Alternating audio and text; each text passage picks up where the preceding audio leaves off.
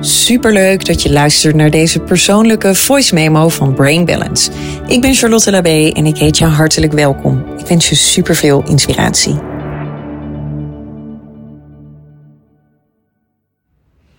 Hey, Charlotte hier. Leuk dat je er weer bent. En ik heb zo'n leuk onderwerp. Althans, ik vind dit machtig interessant. Want dit gaat echt over het programmeren van je brein. Wat is jouw waarheid? Waar geloof je in?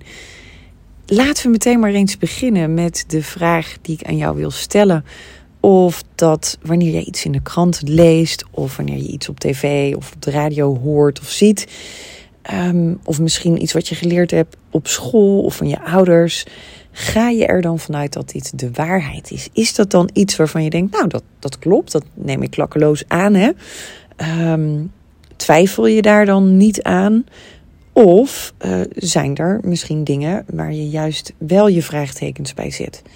Heel eerlijk, en dan kom ik meteen to the point, wanneer ik namelijk iets op de radio hoor, of in de krant lees, of in een boek lees, of wanneer iemand iets vertelt, dan heb ik er altijd een vraagteken bij. En dat is niet omdat ik wantrouwend ben naar eh, de mensen om me heen, of de mensen die dat schrijven of delen, maar wel naar waar komt deze kennis vandaan? Is het de waarheid? En is het een waarheid waar ik in mijn leven iets mee kan? Is het iets waar ik iets mee wil? Dat zijn dan twee vragen die ik mezelf eigenlijk direct al afstel. Dus ik ben uh, heel erg dan aan het observeren.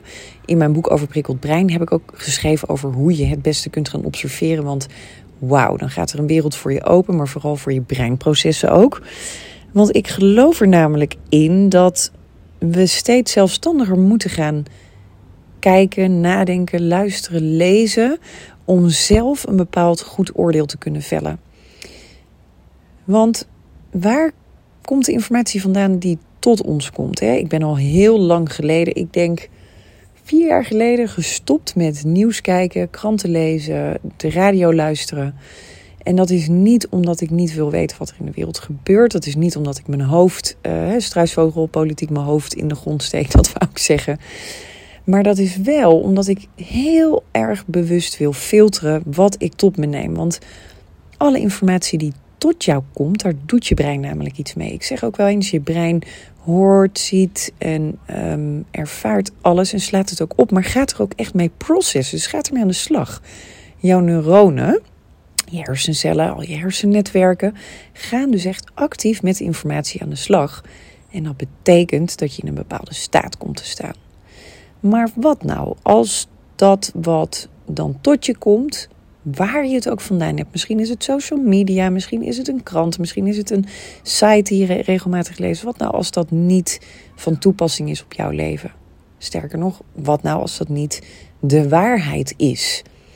Kan het dan zo zijn dat je dan dus informatie tot je neemt die jou misschien in een totaal verkeerde ja, um, richting stuurt. Ik wou zeggen direction, maar dat is natuurlijk het Engelse woord.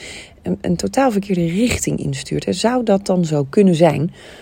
En wat levert het je dan op? Is het dan zo dat je met een open mindset naar de wereld kunt kijken en nog open staat voor nieuwe ideeën? Of kom je misschien wat vaster te zitten? En is dat wellicht nu bij jou al het geval? Herken je het? Dat je misschien ook discussies kunt krijgen wanneer iemand je iets vertelt of iets met je deelt. Of wanneer je informatie leest en dat je denkt, nou, dat slaat helemaal nergens op. Het zou zomaar kunnen, want wanneer we dus een oordeel creëren, dan geeft dat eigenlijk al aan dat jouw brein behoorlijk vastzit en niet open staat voor eventueel andere ideeën, andere waarheden, ehm, andere realiteiten. Dat is het misschien ook wel. We leven allemaal, zeg maar, in een bepaalde realiteit ik leef ook in een bepaalde realiteit. En ik zeg absoluut niet dat mijn realiteit en de kennis die ik met je deel, dat dat de waarheid is. Nee, sterker nog, ik zou je willen vragen om wanneer ik iets met je deel, om dat te gaan vergelijken, om daar eens over te praten met mensen om je heen. Maar daarbij wel zeggende, wanneer je dus um, over bepaalde kennis gaat praten met mensen, met vrienden, kennissen, zakenrelaties, misschien collega's Kijk dan ook eens in wat voor realiteit die persoon zit. En ga dan observerend erin, zodat je kunt kijken: hé, hey, wat is nou jouw perceptie, jouw waarheid over dit onderwerp? Kijk eens wat er gebeurt met je emotie, met je fysieke houding, met je breinprocessen, misschien zelfs met je ademhaling. Want het kan namelijk van alles triggeren in jouw eigen proces, waardoor je zoveel inzicht krijgt in hoe jouw realiteit dan is. En of dat je open kunt staan voor een eventuele andere waarheid. Want ik geloof dus echt dat er zoveel verschillende soorten waarheden zijn en dat ze allemaal kunnen kloppen. Het is maar net hoe je in het leven staat. Wat heb jij meegekregen? Wat is uh, de informatie die in jouw systeem zit? Want dat gaat veel verder nog dan hersencellen. Dat gaat echt over je genen.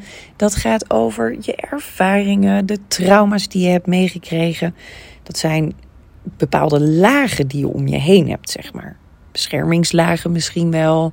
Lagen van vertrouwen, lagen van wantrouwen. Die jou allemaal een bepaald gevoel van veiligheid zouden willen geven. En met die lagen bedoel ik eigenlijk je patronen, wereldbeelden die je hebt misschien de overtuigingen of de ideeën die je in dit leven hebt aangeleerd gekregen. Of hoe je die onderbewust van andere mensen hebt overgenomen. Maar dat kan dus ook door de media. En wat ik al zei, sommigen zitten helemaal vast in je genen. Dat betekent dus dat het van je overgrootouders komt of van je over-overgrootouders. En we zien die ideeën, die patronen, die waarheden eigenlijk de blik hoe je naar de wereld kijkt als onze waarheid. En we identificeren ons er dus ook echt mee. Maar wat gebeurt er wanneer je je met iets identificeert? Dan word je uiteindelijk jouw waarheid. Je wordt jouw perceptie. Je wordt jouw gewoonte. Je wordt jouw manier van denken. Maar dat ben je niet. Je bent niet jouw manier van denken. Je manier van denken is maar een programmering. En die kun je dus ook veranderen weet je wat het is? En dat vind ik altijd zo'n interessante. Je weet niet wat je niet weet. Wanneer je geen idee hebt wat er nog meer is, eh, energetisch, spiritueel, eh, fysiek, maar ook mentaal, zijn er zo ontzettend veel mogelijkheden en is er zo ontzettend veel kennis en interessante kennis. Maar wanneer je dat niet weet, dan weet je het niet. Dus je vaart eigenlijk op een bepaalde waarheid, een kennisbron die ergens dus in jouw cellen is opgeslagen, in je genen, in je hersencellen, in je fysieke cellen. En daar leef je dan op. Maar is het dan zo dat dat de waarheid is? Of zou het dan zo kunnen zijn dat we misschien braaf de kennis en informatie van andere mensen volgen? Um, en een weg volgen die voor ons geplaveid is? Maar vraag je jezelf dan ook wel eens echt af: is dit goed voor mij? Of doe ik het misschien alleen maar omdat het zo zou moeten zijn, of dat ik denk dat het moet, of omdat iemand dat zo tegen me gezegd heeft, of dat ik dat ooit geleerd heb ergens? Of doe ik dit echt omdat ik dit wil? Dat zijn vragen die ik mezelf dan ook wel eens vaak stel als ik dan iets aan het observeren ben. Dat kan enorm helpen. En ik ja, stel mezelf dan die vraag ook wel eens als ik bijvoorbeeld met iemand in een discussie kom. Of wanneer iemand het onzin vindt wat ik deel, dan denk ik ja, eigenlijk vind ik dat lange discussies gewoon geen zin hebben. Want weet je wat het is? Wanneer iemand er niet voor open staat, staat hij er eenmaal niet voor open. En respecteer dat dan. Dus dat respecteer ik dan ook heel erg. Dan denk ik: oké, jij kijkt vanuit een andere realiteit. Ehm, is dat erg? Nee, het is niet erg. Is het dan goed voor onze energie, frustratie, emotie, teleurstelling om met diegene in een discussie te gaan? Nee. En het kan zo zijn, hè, want eh, je kunt iemand op social media hebben, je kunt iemand in je vriendenkring hebben, je kunt een broer of een zus hebben, of een vader of moeder. Ehm, maar het kan ook je relatie zijn die, die vindt dat waar je mee bezig bent, wat je dan ook doet, de keuzes die je maakt, totale onzin zijn bijvoorbeeld. Ja, dan heeft het geen zin om die discussie uh, aan te gaan.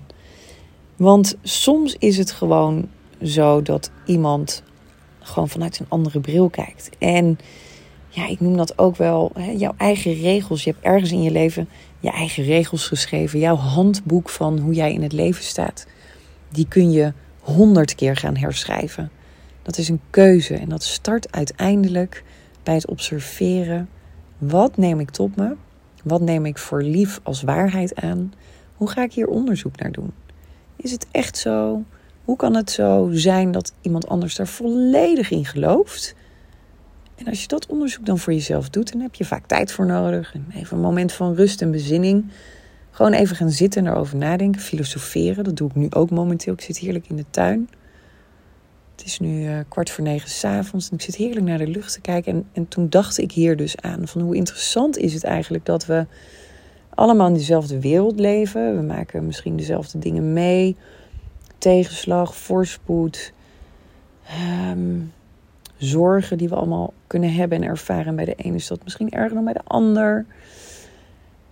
Maar hoe kan het dan zo zijn dat de ene persoon er met een totaal andere manier mee omgaat dan de andere persoon? En dat heeft toch allemaal te maken met hoe je in jouw realiteit kijkt naar de informatie die je tot je neemt.